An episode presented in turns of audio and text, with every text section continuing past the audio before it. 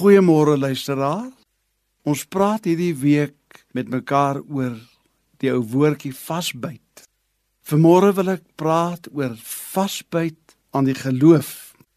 Dit is die een ding om 'n gelowige te word, maar dit is nie altyd maklik om een te bly nie. Petrus in die Bybel se geloof het hom dikwels in die steek gelaat.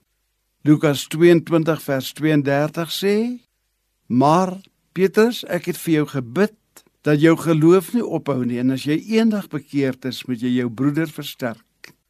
Thomas se geloof het hom in die steek gelaat. Hy wou sien of dit so is totdat hy kragtig oortuig was en uitgeroep het: "My Here en my God." Selfs Johannes die Doper het moeilik gevind om vas te byt aan sy geloof terwyl hy in die gevangenis was.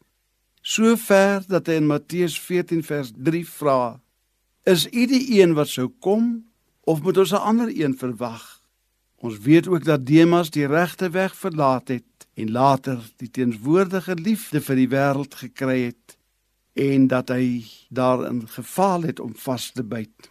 Dit is belangrik dat ons sal vas staan in die geloof.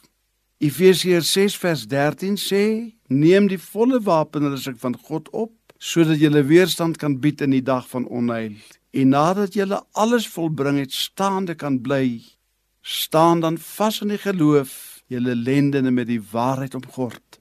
Habakuk 3 vers 17 sê alhoewel die vyeboom nie sal bloei nie en aan die wingerdstok geen vrugte sal wees nie en die drag van die vyeboom sal teleurstel in die saailande geen voedsel oplewer nie geen beeste in die stalle sal wees nie Nogtans sal ek jubel in die Here en ek sal juig in die God van my heil. Duidelike bewys van iemand wat geleer het om in die geloof vas te byt. Geloof word dikwels aan toetse onderwerp op vele lewensterreine, maar ons word nooit getoets tot by breekpunt nie, maar altyd tot by groeipunt. Job het vasgebyt aan sy geloof en kyk hoe mooi het sy verhaal uiteindelik geëindig. Kom ons byt vas Uiteindelik moet ongeloof en twyfel hulle wat vasbyt in die geloof sal eer. Troue en almagtige God in u drie eenheid en in die almag, dank ons u vanmôre vir die krag om in die geloof vas te staan. Amen.